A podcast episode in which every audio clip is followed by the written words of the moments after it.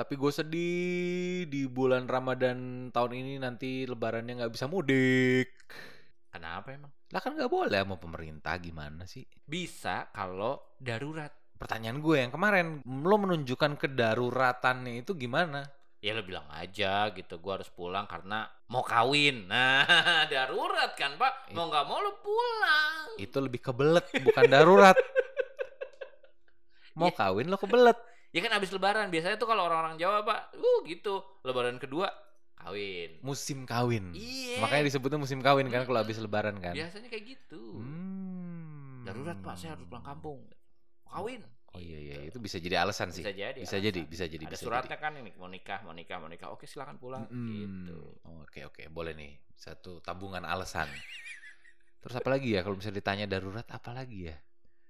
Hmm. Ya pasti orang tua sakit. Oh iya gitu. emang beneran orang tua gue Ah, sakit ah, sih. kan, Emang ah. beneran sih. Bokap gue kan kemarin emang sempat masuk rumah sakit Ah, kan. betul kan? Ah. Terus sekarang sih alhamdulillah udah keluar, udah di rumah. Hmm. Nah kemarin sebelum puasa gue sempat ke Jogja. nah kan bisa kan? Eh. Kan belum ada larangan waktu oh, itu. Iya, iya. Masih bebas-bebas aja. Ya lo bilang gitu. Ini kucing mau melahirkan. Nah, kucing yang di Jogja tuh. Yang ada gue di blacklist kagak boleh masuk Jogja gue rasa. Makanya kalau besok itu ada beberapa teman gue yang tetap akan pulang kampung Mm-mm. dengan mempersiapkan mental. Mm-mm. Kalau di Cikampek suruh balik ya balik. Oh jadi pokoknya maju aja dulu, Maju aja dulu. coba aja dulu. Coba aja dulu. Begitu Cikampek suruh pulang, ya balik lagi gue gitu. Hmm, Terus yang penting bilang, udah ada usaha udah dulu usaha, ya buat nerobos. Nah, terus gue bilang, ntar lo kalau gue boleh masuk Bekasi lagi, gimana? Nah, itu baru kita pikirin. Ya kan boleh kan? ditolak sana, ditolak sini. Tidur di tol gue, Ji. Gitu katanya.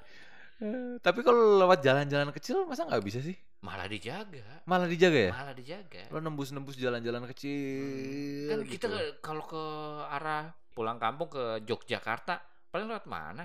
Pantura. Cikampek, Pantura, ujungnya di Cikampek.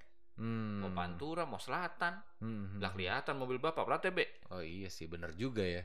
Pasti dicegat di situ semua sih. Namanya ya. situ. Kalau naik pesawat dicegat nggak? ya? Nah, itu semua yang naik pesawat darurat, Pak. Darurat pasti yang naik pesawat. Hmm, hmm, hmm, hmm. Darurat pulang kampung. Agak-agak pilih kasih ya Iya. kebijakannya ya. Kalau pesawat boleh, terus Karena jalan kan darat kalau nggak boleh. pesawat pasti ada protokol kesehatan yang dijalankan. Kalau darat, lu pakai mobil sendiri, lu emang antigen di rumah? Enggak dong. Ayo. Hmm, iya sih. Itu dong. Cuman kan lo, ya lo antigen aja di Cikampek. Lo cek aja antigennya pas mau lewat kan bisa. Heeh. Pusing, Pak. Yang antigen nyolok mulu, buset, nidung sapi dicolok. Macet 10 jam, semua orang nungguin antigen. Karena apa? Antigen. ya kan kalau antigen kan nunggunya berapa menit tuh? 15 menit 10 ya? menit, 10 10 menit. menit. gitu. 10 menit Hmm. diliatin. Oke, lanjut. Oke, lanjut. Berapa ribu? Lebarannya keburu kelar ya. Nyampe belum, lebaran udah kelar. Tapi alhamdulillah sih, kemarin gue sempat uh, pulang ke Jogja lah sebelum puasa gitu ya. Jadi sempat ketemu sama keluarga gue, sempat ketemu sama bokap gue juga yang kemarin lagi sakit, sempat kumpul bareng semuanya. Ya seneng sih, walaupun mungkin nanti pas lebaran nggak bisa. Cuman itu sudah dicicil duluan nih. Ya. Dari sebelum Ramadan udah ngumpul gitu. Dan kemarin kan lengkap ya semua. Biasanya kan kalau gue pulang, adik gue di sini yang Ya. cewek. Hmm. Adik gue pulang, gue di sini. Hmm, hmm. Karena kemarin bokap sakit, kita kumpul Ya, semuanya. betul. Gue, adik gue yang cewek, adik gue yang cowok, sama yang paling kecil yang cewek. Kan gue empat bersaudara tuh. Iya. Udah tuh kita ngobrol-ngobrol tiap hari, bener-bener dari pagi sampai malam, bener-bener main, jalan-jalan gitu kan, nemenin bokap juga. Kok jalan-jalan? Kan pandemi. Jalan-jalan ke mall aja, beli kebutuhan. Oh, Ya kan? darurat. Darurat. gue harus beli kebutuhan untuk rumah, groceries ke mall. Oh, ke mall? Ada tujuannya. Oh, ke mall. Iya, iya, iya, iya. Mm-mm. Ya sekalian lihat-lihat lah. Bosen kan di rumah mulu udah nyampe Jogja, Pak. Tapi adik gue tuh salah satu yang apa ya? Adik gue yang cowok nih maksudnya ya. Adik gu- gue, adik gue yang cewek, kita tuh sama-sama outspoken orangnya. Maksudnya nggak Hmm. takut buat ngomong gitu, Hmm, hmm, hmm. berani ngomong.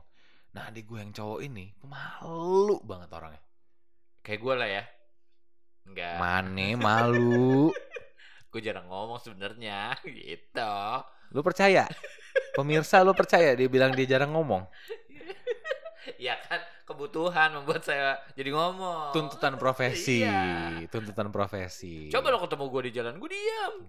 Jadi, iya nggak ada yang kenal juga. Iya lo pendiam sih, Iya udah. lo pendiam sih.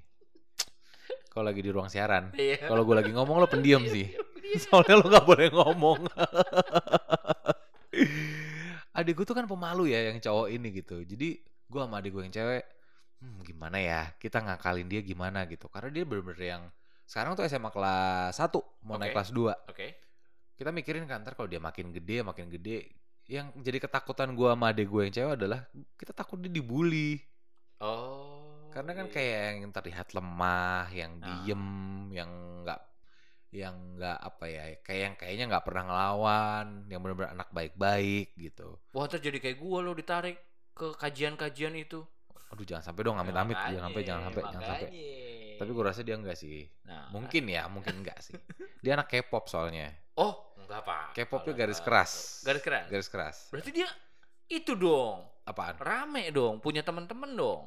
Mungkin ada cuman kan sekarang semuanya serba virtual ya. Jadi Oh, komunitasnya gitu. online aja gitu Ah. dari handphonenya, dari grup WhatsAppnya gitu. Tapi nggak nggak yang benar-benar tatap muka ketemu gitu. Oke. Dan kemarin di Jogja akhirnya gue sempet namanya kan Satria. Ya sini deh gitu gue bilang. Coba lo perkenalkan diri. Misalnya lo lagi di depan kelas, terus lo memperkenalkan diri, lo biasanya ngomongnya kayak gimana? Halo, namaku panggilannya Yaya kan. Halo, namaku Yaya. Eh, umurku segini. Lemes gitu, yang kelemar-kelemar tau gak lo? Tapi dia pinter pasti. Dia pinter. Pak. Pintar, pintar. Pintar. Harusnya Biasanya pintar. biasanya kayak gitu tuh. Orang-orang kayak gitu pinter tuh. Harusnya pintar. Pintar. Cuman kan berhubung kakaknya public speaker ya. Kakaknya presenter, ya kan? Kayaknya hmm, nggak bisa nih adek gue kayak begini. Masa introduction di depan umum kayak begitu ngomongnya? Ada pak teman saya sama kayak bapak. Mm-mm. Public speaker juga, penyiar. Mm-mm. Adiknya pak nggak bisa ngomong. Oh gitu. Bener pak diem aja diem. Gue bilang suatu hari gue ketemu adiknya di Medan. Mm-mm. Udah sekarang udah jadi bekerja di plat merah pak perusahaan. Oh. Pinter. Gue makanya gue bilang pinter Mm-mm, personal mm. kayak gitu. Udah gitu dia ngeliat gue gitu. Eh Kak Puji, cuman gitu doang. Hmm. Lo ngapain lo sini? Ini ada tugas kantor. Cuman gitu doang. Hmm, hmm, hmm. Sampai kadang-kadang gue bilang, lu bisa ngomong gak sih? Gue bilang gitu. Hmm. Kakak lo cowawaan, gue bilang gitu. Hmm, hmm, Dia hmm. begitu emang, Pak. Oh berarti emang Ada, Pak. ada ya yang begitu ya. Ada, ada. Cuman kan karena adik gue kan masih kecil. Hmm, hmm. Maksudnya masih SMA kelas 1 jadi gue merasa belum terlambat nih Iya, kalau iya, misalnya iya, mau gue uh, pupuk gitu ya. Maksudnya nggak harus dia jadi public speaker, nggak harus dia jadi presenter kayak gue. Cuman at least he can represent himself better gitu. Ya. Karena kan introduction kalau lo ngomong ilmu public speaking itu penting dong. Penting. Ya kan itu kan momen pertama lo dijudge sama Ya. orang tuh ya pas introduction gitu. Mm, mm, mm, Walaupun mm. mungkin kan sebenarnya secara format simpel cuman nama lo siapa, umur lo berapa, lo kerja atau kuliah di mana, udah. Udah. Cuman Udah. Paling 3 4 kalimat, tapi dari situ pertama kali lo orang akan ngejudge lo tuh orangnya kayak gimana gitu. karakter lo ter kebuka ya dari situ ya. Kebuka Hmm. dari situ. Hmm. Makanya gue gua bilang gitu sama si Yaya, nggak bisa. Lo kalau introduction, lo kalau memperkenalkan diri, nggak bisa kayak gitu ya. Lo harus tegas, lo harus firm, dan lo harus kelihatan percaya diri gitu. Hmm. Karena yang gue bilang tadi, itu yang paling penting karena dari situ lo akan dijudge pertama kali sama orang-orang. Misalnya dia masuk kelas yang baru nih, Ya. ketemu orang-orang baru, kalau dia bisa memperkenalkan diri dengan pede, dengan firm, orang kan pasti juga akan respect kan kayak, Ya.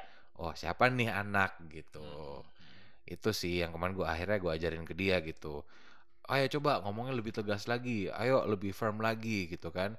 Gak cuman dari cara dia ngomong sih, cuman uh, dari sisi postur tubuhnya kan gesturnya dia ya, gesturnya ya. gesturnya dia tuh yang kan dia kurus tinggi jangkung bahunya nutup gitu loh Oh iya iya. Jadi yang agak agak- nunduk gitu ya. agak nunduk Nah. jalannya bungkuk terus kayak kelemar-kelemar Mhm. jadi sepanjang gue di Jogja tuh setiap gue di belakang dia gue tarik gitu bahunya ke belakang nggak bisa lo harus lo harus buka bahu lo gitu. Karena ketika lo ngomong di depan mhm. itu kan lo harus terlihat percaya diri kan Betul. dan dengan lo buka bahu lo kayak gitu itu kan menunjukkan gestur lo percaya diri Percaya diri. ya kan karena ketika lo tutup bahu lo itu tuh menunjukkan kalau lo tuh apa ya minder terus menunjukkan kalau lo kurang percaya diri juga gitu. Tuh gue sering tuh, gue buka bahu gue gitu. Mm-mm. Padahal gue nggak ngerti pak, gue ngomong Mm. apa, gue Mm. buka aja. Mm-mm. Jadi orang kesan, wah Mas Uji ngerti. pede banget nih, udah yakin banget kan. Gak tahu gue. Abis itu gue, ada di mana ya? Gue sambil ngomong gitu sama Hmm, misalnya hmm, lo, gue lagi meeting sama lo, lo presiden direktur siapa lah. Hmm. Lo ngoceh gue Google pak, siapa? Lo ngomong apa? gitu. Tapi bahunya dibuka, Mm-mm. gitu. Yang penting yakin aja dulu. Iya. Perkara bener apa enggak, ntar bisa ngeles. Namanya juga penyiar ya kan, ngeles aja dulu. Tapi yang gue lakukan ke adik gue kemarin ya menurut gue itu salah satu bentuk berbagi juga sih. Ya, betul. Karena kan kalau misalnya ngomongin soal berbagi kan nggak melulu duit, nggak melulu sembako, nggak melulu lo berbagi Nasi kotak, nasi kotak di foto. instan. Mm-mm, tapi eh, berbagi ilmu tuh juga sedekah menurut gue. Betul, Iya kan? betul, betul. Lo melakukan itu nggak om? Iya, kalau ilmu itu gue alhamdulillah sepertinya nggak pelit ya. Mm-mm. Junior atau teman-teman gue yang pengen tahu, gue kasih tahu. Mhm. Bahkan beberapa yang nggak pengen tahu, gue kasih tahu. Hmm. Jadi bilang ganggu lo, bilang gitu. Tapi lo mau nggak? Gitu gini. Terus akhirnya mereka belajar. Karena gue merasa gue mendapatkan ilmu dari yang public speaking, dari Mm-mm. yang presenting, dari yang penyiar itu gratis pak. Hmm. Jadi Ya, gue karena bersama mereka mereka itu kan. Gitu. Jadi gue ya gue kasih tahu eh, ke beberapa sahabat, anak-anak kecil gitu. Mhm. Iya gratis aja, Mhm, mhm, berbagi aja. Karena Gitu. lo percaya nggak sih ketika lo berbagi ilmu sama orang lain, sebenarnya yang paling jadi pinter tuh lo nya lo. Iya betul betul. Jadi kayak gue ngulang pelajaran Heeh. gue dulu gitu. Yang akan lebih pinter tuh lo nya sebenarnya. Iya. Ilmunya akan baliknya ke lo gitu. Iya. Sama kayak teori sedekah dong berarti ya. Iya. Semakin lo ngasih orang akan balik ke lo ya. Akan balik lagi ke lo gitu. Ya kayak kolaborasi inilah di podcast ini Iya. gitu kan. Itu kan kita saling berbagi, saling Iya, berbagi saling sebenarnya kan. Tapi gue pernah satu berbagi yang menurut gue akhirnya blunder. Apa tuh? Jadi dulu tuh di zaman gue belajar radio pak, gue Mm-mm. harus bisa namanya nyolder pak. Lo tau kan? Elektro. Elektro. Gue SMP tuh nyolder. Nah, gue tuh begitu masuk radio, training gue pertama kali harus nyolder pak. Hah? Beneran. Sumpah lo. Karena kan gue masuk dari jalur teknik, belum Oh. nulis, belum nulis. Gila Jadi lo gua- ngomong nyolder gue langsung kecium baunya lo. Sumpah. Nah itu dia tuh ya. Jadi gue tuh gak bisa. Heeh, heeh. Jadi sampai ada senior gue, chief gue tuh chief tekniknya. Kalau Hmm. misalnya ini hasil solderan Puji nih, jelek Hmm. banget pak, gitu. Dan suatu ketika gue harus berbagi tentang solder pak. Hmm, hmm. Yang anak gue ajarin berantakan juga blunder gua. berbagi yang blunder pak itu beneran pak. Itu Kalau itu namanya orang buta nuntun orang buta, Pak. Bukan berbagi. Tapi kan gue berbagi, berusaha untuk ah, Mas Suji, ini nyoldernya gimana? Coba lo buka dulu. Gue udah ngomong dong tuh. Gue udah nggak tahu nih. Tapi kan gue harus bisa dong, harus membuka bahu gue bahwa gue bisa senior gitu. Mm-mm. Coba dibuka. Itu tuh dibuka dulu. Ya, soldernya dibuka. Nih, lo buka, bongkar kan, tuh tau kan? Hmm, hmm, hmm. Kalau bersihin solder gitu kan, Mm-mm. panasin timahnya, dibuang gitu kan. Heeh. Nah, abis ini coba lu solder ini, timahnya panasin dulu, Mm-mm. baru lu tembak sini. Gue bilang gitu. Mm-mm. Dia ngerjain. Hmm. Gue ngeliatin, orang gue nggak bisa. Paling yang dikerjain salah. Salah. Ya, udah maklumin aja ya. Blunder berbagi. Blunder. Orang buta nuntun orang buta. Kalau itu namanya bukan berbagi, Pak. Tapi ya itu ya bentuk berbagi nggak cuman uang nggak cuman Ya. sedekah tapi juga dengan ilmu lo gitu dengan ngajarin teman-teman lo yang uh, membutuhkan yang mereka misalnya nggak ngerti satu hal yang itu lo lebih ngerti ya bagi aja Bagi aja. Bagi aja. share aja ilmu lo Share aja. jangan pernah takut kalau lo berbagi ntar mereka jadi lebih pinter Ah itu dia. atau apa Ada senior gua pak, Mm-mm. sampai dulu tuh gua ngeliat laptopnya pak, diomelin. Ngapain sih lu lihat-lihat? oh gitu Ada. lo lagi buka bokep kali makanya lo lihat-lihat dia marah Iya, dia lagi melakukan pekerjaannya gitu. Terus gua lihat Mm. nih, ngerjain apa mas? Apa sih lu lihat-lihat? Kayak gitu. Hmm. Dan biasanya anehnya setiap Mm-mm. orang yang seperti itu ya, Hmm.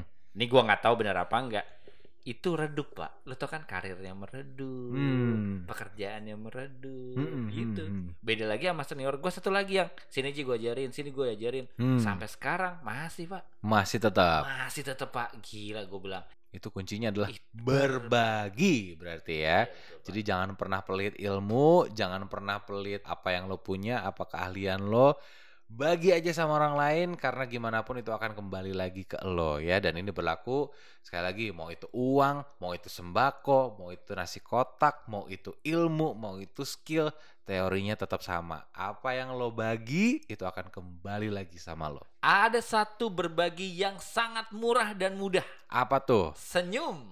Betul, senyum adalah ibadah. Betul. If you just small.